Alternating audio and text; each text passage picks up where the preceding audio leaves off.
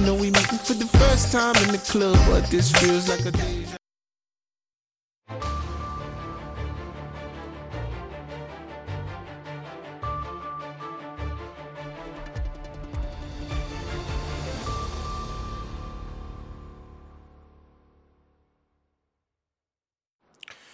halkani waa washington laanta af soomaaliga ee v o a oo aad si toosa uga dhagaysanaysaan moojada gaagaaban efemyada geeska afrika iyo caalamka o dhan oo nagala socotaan boggayaga v o a somali com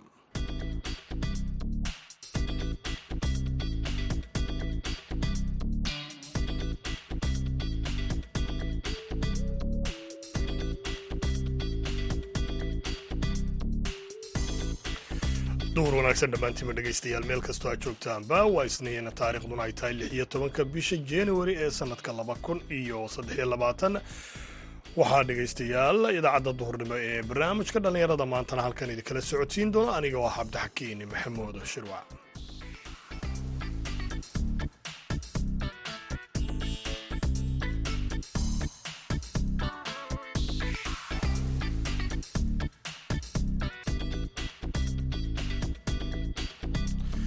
qodobada aad ku maqli doontaan idaacadda duhurnimona waxaa ka mid a boqolaal dhallinyaro ah oo shaqo abuur amaba shaqooyin ka helay diiwaangelinta doorashooyinka la filayo inay ka dhacaan puntland.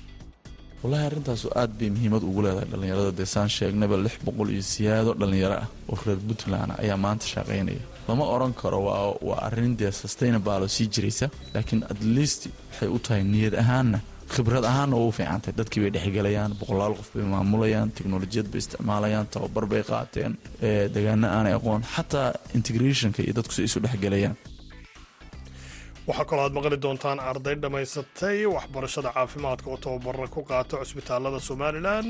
Kaalmihii ayaad sidoo kale maqli doontaan. Inta aan ku guda jirna idaacaddan duhurnimo ee barnaamijka dhallinyarada maanta. Hase yeeshee marka hore ku soo dhowaada warkii dunida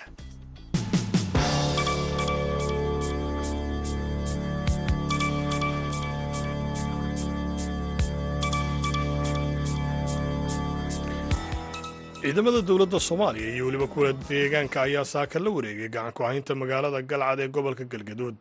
Qabsashada galcad ayaa waxaa v o a u xaqiijiyey wasiirka gaashaandhigga cabdiqaadir maxamed nuur. Wasiirka ayaa sheegay in wax dagaal ah aanu ka dhicin galcad markii ay ciidanku qabsanayeen. Galcad ayaa waxay ku taallaa dhinaca koonfureed ee gobolka galgaduud waxaanay saddex boqol iyo shan iyo toddobaatan kilomitir dhinaca waqooyi ka xigtaa magaalada muqdisho dhinaca kalena sarkaal ka tirsan alaamaha amniga ayaa ku dhintay qarax saaka ka dhacay ee tuulada halgan ee gobolka hiiraan. Dhamme jamaal axmed jaamac ayaa ku dhintay qaraxa oo ka dhashay baabuur uu waday qof isa soo miidaamiyey. Dhimashada dhamme jamaal ayaa waxaa v o a u xaqiijiyey taliya ku-xigeenka booliiska gobolka hiiraan gaashaanla sare xasan kaafi maxamed ibraahim. Ururka al-shabaab ayaana sheegtay mas'uuliyadda qaraxan maalintii sabtidiina al-shabaab waxa ay sidoo kale qaraxyo ka geysteen magaalooyinka buloburda iyo jalalaqsi iyadoo halkaasina ay ku dhinteen saddex iyo toban qof in ka badan konton kalena ay ku dhaawacmeen.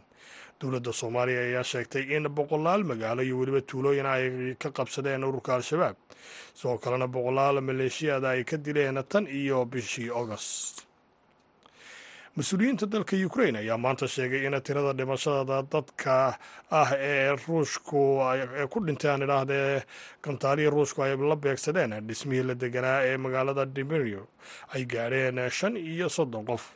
Iyadoo kooxaha samata bixintuna ay weli burburka ka baadhayaan inay ku jiraan dad badbaaday.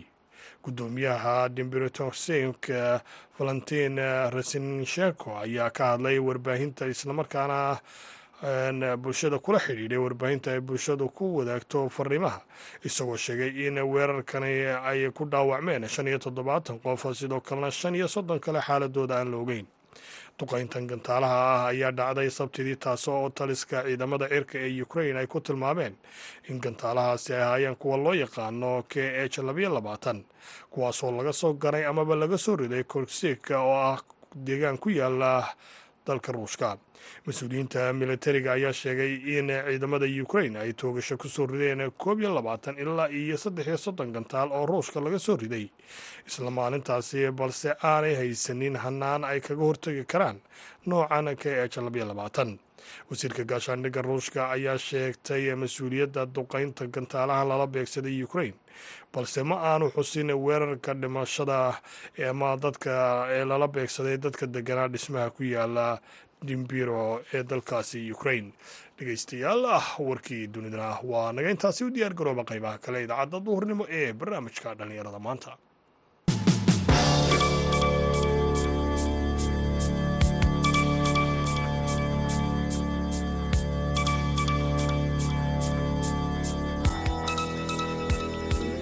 duur wacana wanaagsan ayaan dhammaantiinba dhegeystayaal idi leeyahay meel kastoo aad joogtaan ba halka warkaasi idinka soo gaarayaan waa idaacadda duurnimo ee barnaamijka dhallinyarada maanta aan ku bilownay dhallinyaro isugu jira wiilalyo gabdho oo shaqo abuur ka helaya diiwaangelinta codbixiyaasha doorashooyinka golayaasha deegaanka ee saddexda degme ee gobollada bari karkaar iyo weliba gardafuur taasoo hadda ka socota ama ay ka socotaan diiwaangelinteedu deegaanadaasi dhallinyaradan ayaa shaqooyin kala duwan ay halkaasi uga soo baxeen islamarkaana fursada ka helay gudoomiyaha guddida doorashooyinka puntland cabdirasaaq axmed siciid oo waraysi siiyey wariyaha v o a boosaaso yuusuf maxamuud yuusuf ayaa ka waramay sida ay u socoto diiwaangelinta isagoo sheegay inay ka shaqaynayaan lix boqol oo dhallinyaro ah kuwaasoo sidoo kalena ka dhaxli doona khibrad ku aadan shaqooyinka doorashooyinka qof iyo cod ah ee halkaasi ka dhaca.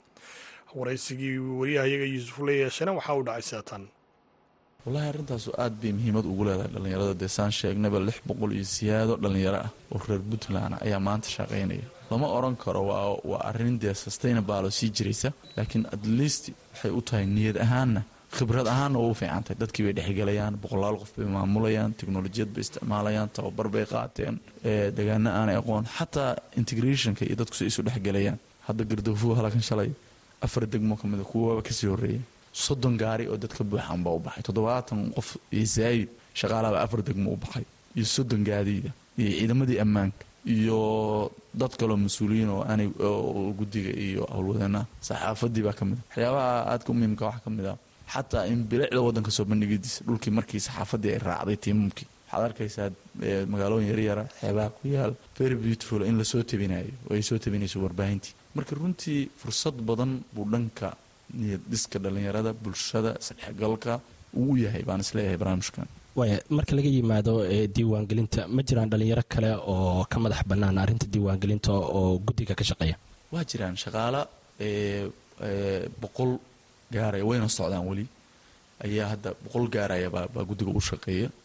Qaar khuburo yihiin qaar teknolojiyadda ka shaqeeyaan qaar agaasimayaal yihiin qaar maamul yihiin qaar farsamo kale yihiin qaar tababarayaal yihiin ilaa sodomeeyo iyo ka badan hadda dadka tababarka keliya qaabilsan baa jira. Oo fursada ka helayo ka shaqeeya. Marka waa waa waa waa dadku aad bay u badan yihiin ka faa'idaysanaya waxaa jira waxyaabo kaloo badan oo indhaaragti wax daabacayaa jira. Oo waxa aad aragteen daabacaya. Dad waxaa jira qalab iyo teknolojiyad la isticmaalaya keenaya iskriina waaweyn oo waxyigelinta iyo waxyaabaha lagu sameeyo. Marka waxaan is leeyahay dad dhaqdhaqaaq fara badan bay bay abuurtay gudoomiye shaqadan magaalada boosaaso waxaa muddaa in si aada uga socoto gaar ahaan dhallinyarada. Marka laga yimaado shaqa abuurka u samayseen fursad intee leeg ayay u tahay dhallinyarada inay isdiiwaan geliyaan? Ka midna ay ka mid noqdaan golayaasha deegaanka oo la qorsheynayo in la qabto. Wallaahi fursad weyn bay u tahay dhallinyarada iyo dhammaan bulshada. Waxaan ugu baaqaynaa inay isdiiwaan geliyaan. Berrina ay noqdaaniin kuwa la kala jiidanayo oo macnaha leh oo codkooda macna samaynayo. Hadafka fogna inuu noqdo in isbeddel uu dhaco bulsho cidda la dooranaya ay noqoto cidda ugu fiican lagu qiimeeyo qofka muxuu muxuu berri inoo qaban karaa. Marka intaasoo dhan qeyb kama noqon karta dadaan maanta isdiiwaan gelin. Dhallinyaraduna fursad gaar ay u haystaan oo dadkan dhallinyara ugu badan revolutionkeena xagga fahamka nidaamkana dhallinyarada ugu badan oo ay u fududahay inay fahmaan oo la qabsadaan.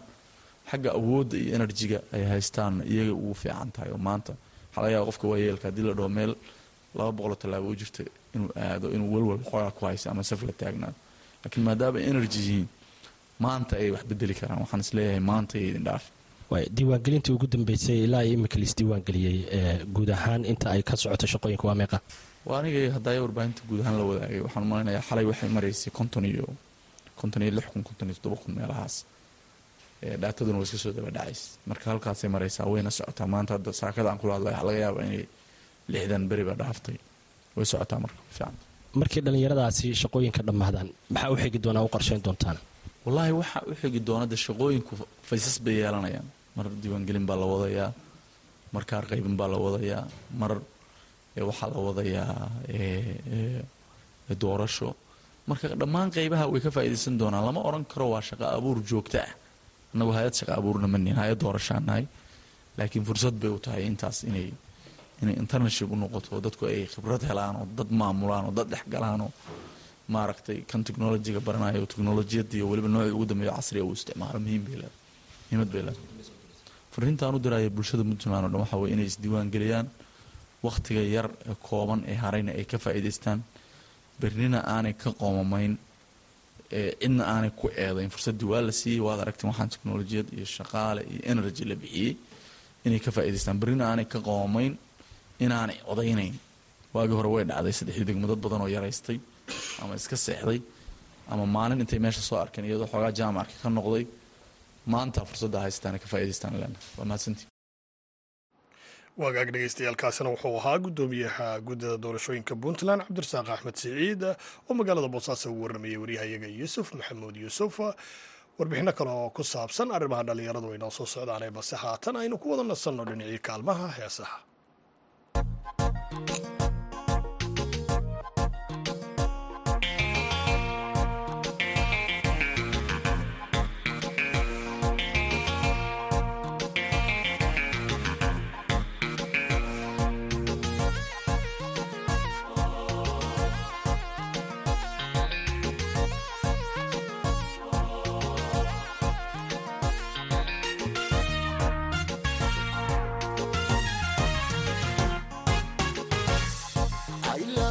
aska bilaabma asalkiisa jaceylka ogaa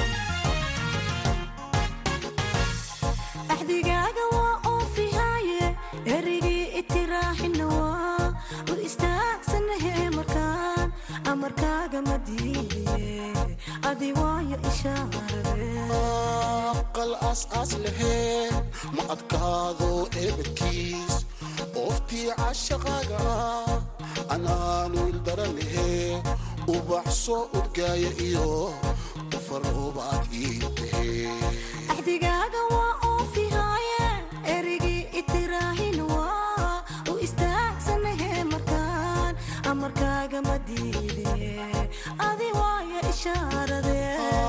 aqal asaas laheen adkaado eebadkiis ooftii cashaqaaga ah an aana ildaran lahee ubaxsoo udgaaya iyo ufaroobaad ii tahee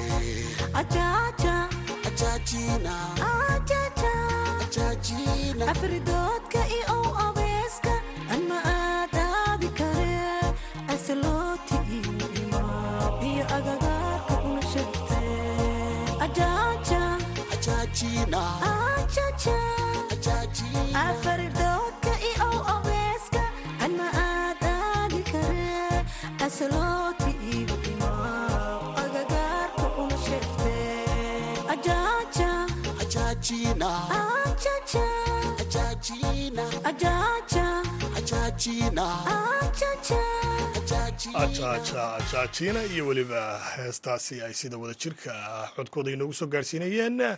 Fanaaniinta muuniya iyo weliba xaawakiin dhegaystayaal haddaynu intaasi kaga soo gudubno islamarkaana aynu hore ugu sii soconno qaybaha kale idaacadda duhurnimo magaalada buurama ee xarunta gobolka awdal waxaa dhowaan ka qalin jabiyey arday fara badan oo bartay culumta caafimaadka kuwaasoo tababara ku qaata cusbitaalada somalilan qaarkood wariyaha v o a boorama haashim sheekh cumar good ayaa la kulmay qaar ka mid a ardaydaasi qalin jabiya islamarkaana xaaladooda ka waraystay.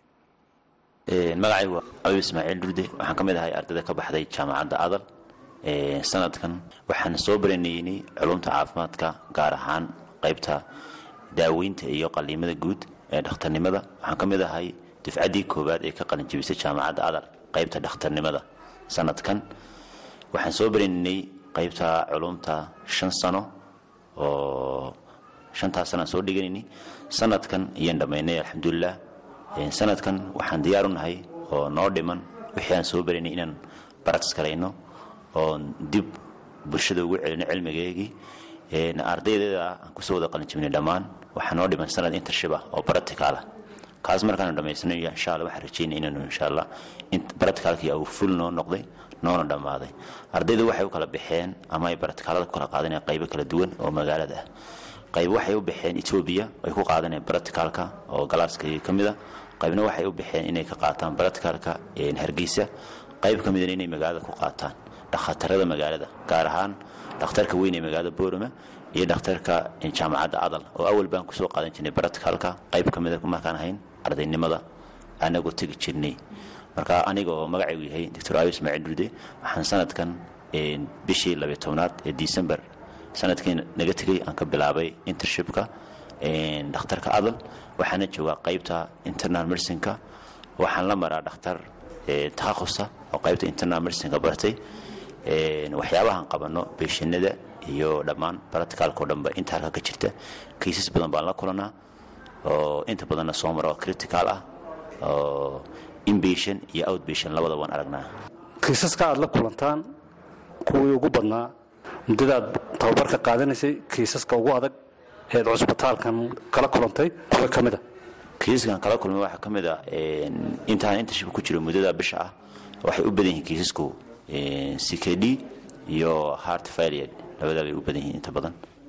Marka aad tababarkan dhammayso qalinjabintiina ay kuu dhammaatay maxaas leedahay mustaqbalka aad qabatid insha allah waxaan rajaynaynaa in cilmiga dhakhtarnimada aanu noqonin midaan halkaa ku dayno oo bulshadana aan ugu adeegno oo waxyaabaha badan aragnay aan kaga sii bedelin bulshada cilmiga wax badan magaalada ku soo kordhino insha allah inaan dadka wax u qabanno ha noqoto iyo in anaguna culumtaydii sii kordhino oona halka ku joojin insha allah oo noqono dhakhaatiir inta maanta aan baranay oo ah dhakhtarnimo guud in ka sii duwan inaan sii barno insha allah oo berika maalin dhakhaatiirta shaqayn doonta aan noqono haddii la yidhahdo ardayda dhallinyarada ah ee muddada tababarka ku qaadanaysa cusbitaalkan waxaa ka mid a doctor salma salma ku soo dhowow muddadii aad dhakhtarnimada aad soo baranaysay iyo hadda oo aad tababarka ku jirto markaad warbixin kooban naga siiso waxyaabahii aad soo baranaysay iyo hadda tababarka aad qaadanayso.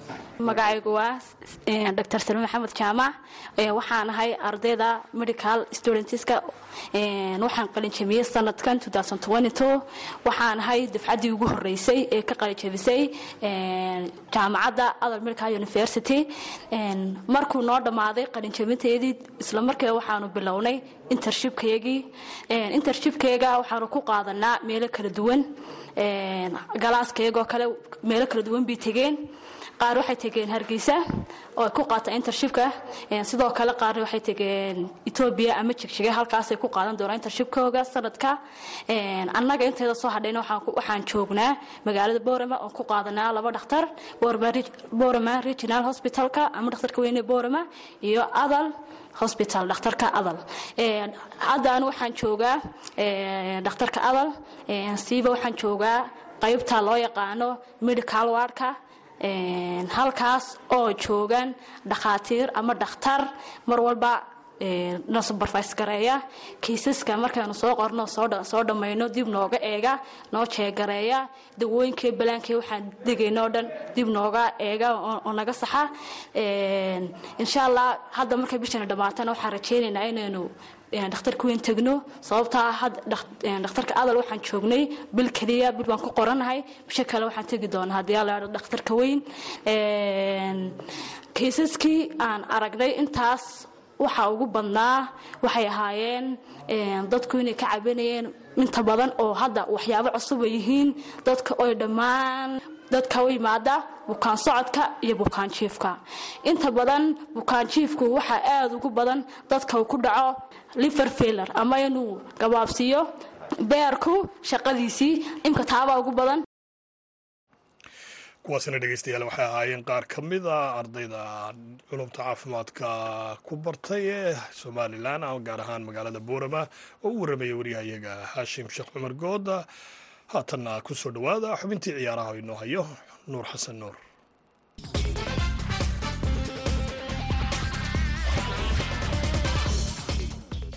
aan ku bilowna ee kooxda kubadda cagta barcelona ayaa xalay ku guuleysatay koobka super kaabka sbain kadib markii ay saddex iyo hal uga badisay dhigeeda real madrid. Ciyaartii finalka oo ka dhacday garoonka boqor fahad ee magaalada riyaad ee caasimadda sacuudiga. Barcelona oo guud ahaan ciyaarta aada ugu gacan sarraysay ayaa waxaa goolasha u kala dhaliyey gavi lawandaweski iyo bedre goolka keliya ee real madrid waxaa dhammaadka ciyaarta u keenay karim benzima koobkan ayaa noqday kii ugu horreeyey ee uu barcelona u qaado macalin shafi. Isla magaalada riyaad ee caasimadda boqortooyada sacuudiga waxaa arbacada ciyaar finaal ah ku dheeli doona kooxaha a c milan iyo inter milan oo ka dhisan magaalada milano ee dalka talyaaniga. Milan iyo inter ayaa ku loolami doona finalka superkaabka dalka talyaaniga dhinaca ciyaaraha ingiriiska waxaa ugu weyn arsenal oo sii dheereysatay dhibcaha ay ku hogaaminayso horyaalka premier leaga kadib markii ay xalay laba iyo eber ku martay kooxda ay sida aadka ah u xafiiltamaan ee tottenham. Goolka hore wuxuu ahaa mid ay tottenham iyada iska dhalisay kan kalena waxaa arsenal u saxiixay laacibka khadka dhexe odegard guushaasi waxay u xaqiijinaysaa in ay hadda sideed dhibcood ka sara martay kooxda kaalinta labaad ku jirta ee manchester city. City waxaa sabtidii laba iyo hal uga badisay manchester united. Tottenham waxay dib ugu dhacday kaalinta shanaad. Ciyaarihii kale ee axaddii shalay dhacay ee ingiriiska waxaa ka mid ahaa chelsea oo hal iyo eber uga badisay crystal palace iyo newcastle oo hal iyo eber ku martay fulham. Dhinaca seria-aaga talyaaniga kooxda atlanta ayaa guul taariikhi ah ka gaartay ciyaartii ay la dheeshay xalay kooxda salernitana kadib markii ay dhabarka u saarisay sideed gool iyo laba waxay noqotay guushii ugu weyneyd ay atlanta ka soo hoyso horyaalka seria aada talyaaniga abid. Roma laba iyo eber ayay ku suuldaartay fiorentina halka lazio ay laba iyo eber ku garaacday sassuolo. Ugu dambeyntiina hogaamiyayaasha horyaalka liigwanka faransiiska paris saint germain ayaa guuldarro la kulantay axaddii ka gadaal markii ay kheen hal iyo eber ku dharbaaxday guuldaradani ayaa uga dhigan b s g in saddex dhibic oo keliya ay hadda ka sarreyso kooxda kaalinta labaad ku jirta ee lons monaco oo ku jirta kaalinta afraadna waxay toddoba gool iyo gool ku dardartay ajaxiyo wasam bin yader ayaa halkaasi ka dhaliyey saddex gool. Dhegeystayaal xubinta ciyaaraha waa naga inta